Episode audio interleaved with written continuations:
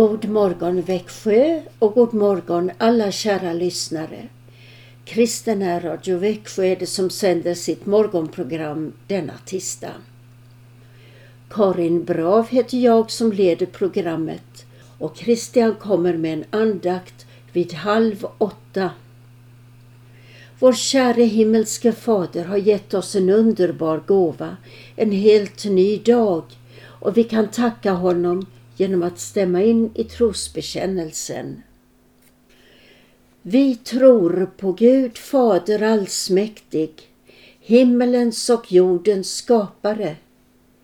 Vi tror och på Jesus Kristus, hans enfödde Son, vår Herre, vilken är avlad av den helige Ande, född av jungfrun Maria, pinad under Pontius Pilatus, korsfäst, död och begraven, nederstigen till dödsriket, på tredje dagen uppstånden igen ifrån de döda, uppstigen till himmelen, sittande på allsmäktig Gud Faders högra sida, därifrån igenkommande till att döma levande och döda.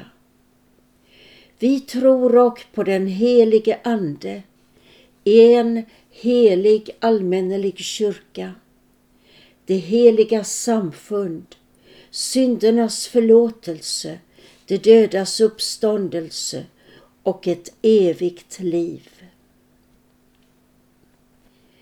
Herrens nåd är var morgon ny, varför skulle vi sörja?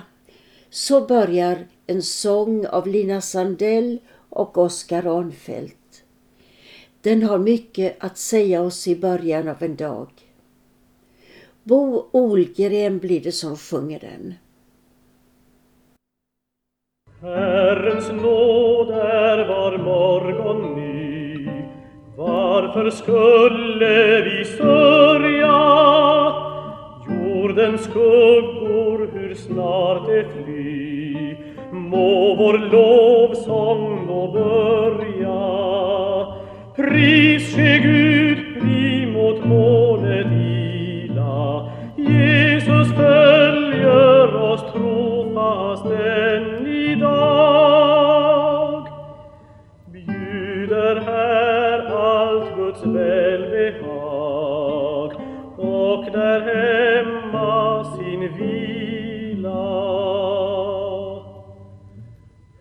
Herrens nåd är var morgon ny. Bort med tvekan och klagan. Herrens röst mitt i stormens gny Blandar nåd ut i agan. Nåd, ja nåd, hur han än kläder. Nåd som fostrar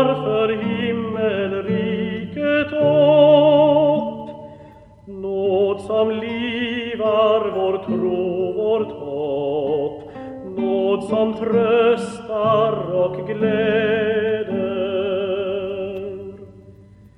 Det som gråta, det var då Så som gräte det icke. Det som fröjdas, det le också Så som gladdes det icke. Herren kom hans dag är nära. Må vi bida den längtansfullt i tron. Höja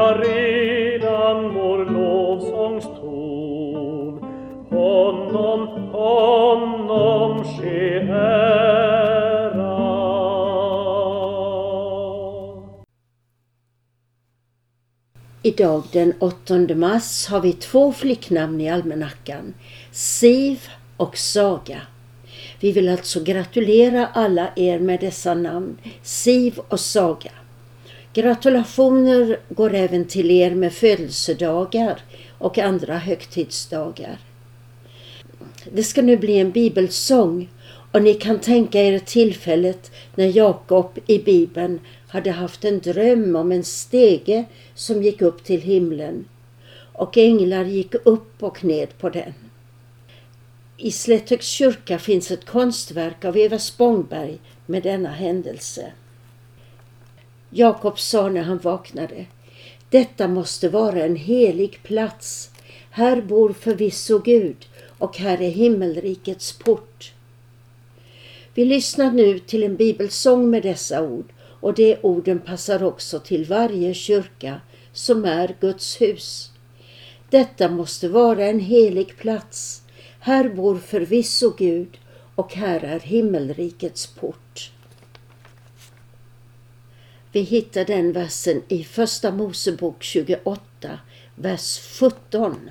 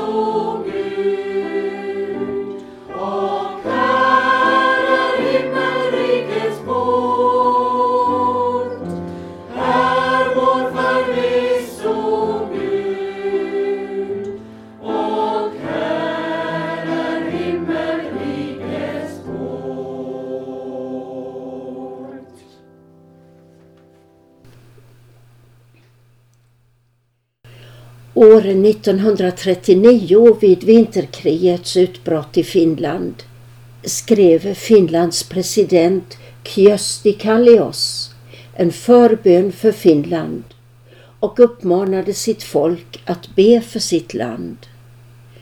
Jag har nu den bönen här framför mig, men vi kan använda den till bön för Ukraina. Ni kan tänka er att ni finns i Ukraina och när jag till exempel säger vårt folk tänker vi på Ukraina och vänder oss i bön till vår käre himmelske Fader. Kära vänner, låt oss be för Ukraina. Himmelske Fader, se i nåd till vårt folk. Du har skapat oss och älskar oss. Du ser att vi är i största fara. Därför ber vi dig, Herre, hjälp oss i vår nöd och låt oss inte gå under. Ge oss nåden att omvända oss från syndens och laglöshetens vägar som leder vårt land till undergång. Herre, förbarma dig över oss. Herre Jesus Kristus, utan dig är vi maktlösa inför de förstörande krafterna som svämmar över vårt folk och förgiftar det. Därför berömmer vi oss av din seger över ondskans andemakter vilkas påverkan man varje dag ser i offentligheten i ord och bild. Herre, du har på Golgata kors övervunnit mörkrets makter. Det måste ge vika även idag eftersom vi upphöjer ditt namn över dem. Detta tror vi på, ty du kan även i vår tid beskydda människor för satanisk villfarelse. Herre, förbarma dig över oss. Hjälp oss genom din helige Ande att i vårt eget liv strida mot synden och att vara ståndaktiga ända till slutet. Gör oss till ett tecken på din frigörande nåd. Fyll oss med din kärlek så att vi håller dina bud. Må din kärlek vara den kraft i oss som övervinner mörkrets makter över vårt folk. Herre Jesus Kristus, allt förmår vi i dig. Det tror vi på. Förbarma dig över oss. Amen. En bön av president Kyösti Kallios i Finland och vi använder bönen som förbön för Ukraina.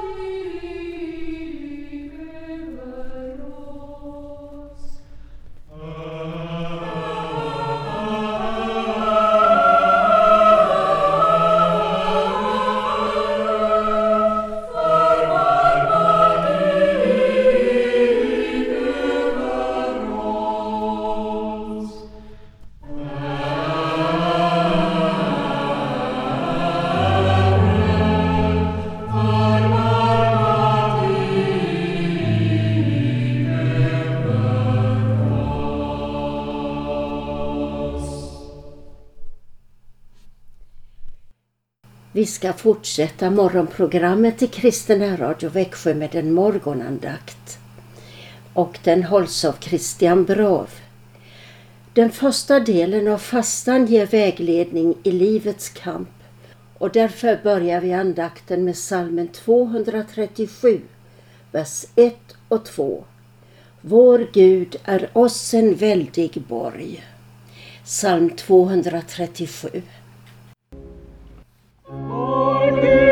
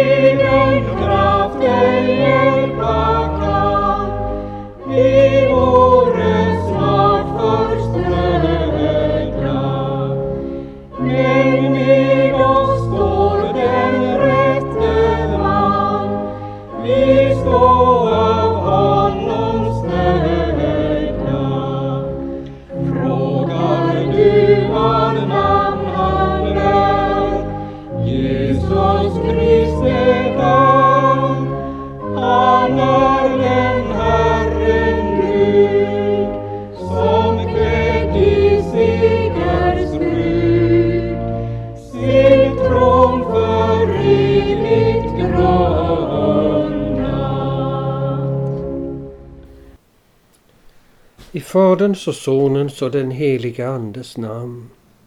Kom käre helige Ande och vägled oss i fastan. I Jesu namn. Amen. Nu har fastan börjat och jag ville säga något ord om den. Jag ska börja med att påminna om några ord ifrån Apostlagärningarnas trettonde kapitel. Vi hörde dem på askonsdagen. Och läget är följande. I Antiochia har den heliga Ande uppmanat församlingen att sända ut Paulus och Barnabas på en missionsresa. Och detta var en oerhörd utmaning i den tidens religiösa värld.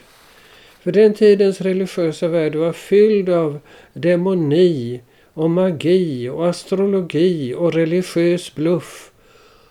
Och nu sändes apostlarna ut för att ta upp kampen med detta och erbjuda ett alternativ. En sund och riktig och stärkande gemenskap med hela världens frälsare genom Jesus Kristus. Och vad gjorde då församlingen när de beredde sig för att ta initiativ till denna oerhörda utmaning av väldigt starka andliga krafter? Jo, de började med fasta och bön. Och vad är då fasta för något? Jo, det är att frivilligt avstå från något man kunde ha, men som man avstår ifrån för Jesus skull. Ofta är fastan att man avstår från mat eller dryck eller viss sorts mat. Jag skulle säga att fältet är öppet här, valet är fritt, men det väsentliga är att avstå från något för Jesus skull. Varför gör man då det? Jag har några aspekter på detta. Det första är att det är en övning. Om vi tänker på någonting som man brukar ha och som man tycker om. Vad ska vi säga? Godis eller underhållningsmusik. Det ligger ingen synd i det. Men man har det därför att man tycker om det, det vill säga det motsvarar något, något hos ens känslor. Om man då tänker att viljan har ingenting att säga till om detta utan när det blir sug efter godis eller underhållningsmusik, ja då följer man suget.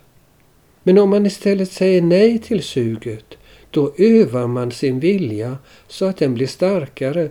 Det är som att öva med hantlar eller öva med långdistanslöpning. Man blir starkare undan för undan. Och här är det just viljan som ska stärkas. Och det förstår ni att inför den här väldiga utmaningen med att sända ut apostlarna i denna vildvuxna religiösa värld, där behövdes verkligen styrka. En annan aspekt av det hela är kampen. Märkte ni att de inte bara fastade utan de också bad? Och bön och fasta i förening blir väldigt kraftfull bön där man kommer mycket nära Gud. En tredje aspekt av det hela det är koncentration. När man avstår ifrån till exempel underhållningsmusik under fastan då får man ju istället tid att koncentrera sig. Att samla sina krafter kring det som är det allra viktigaste i livet.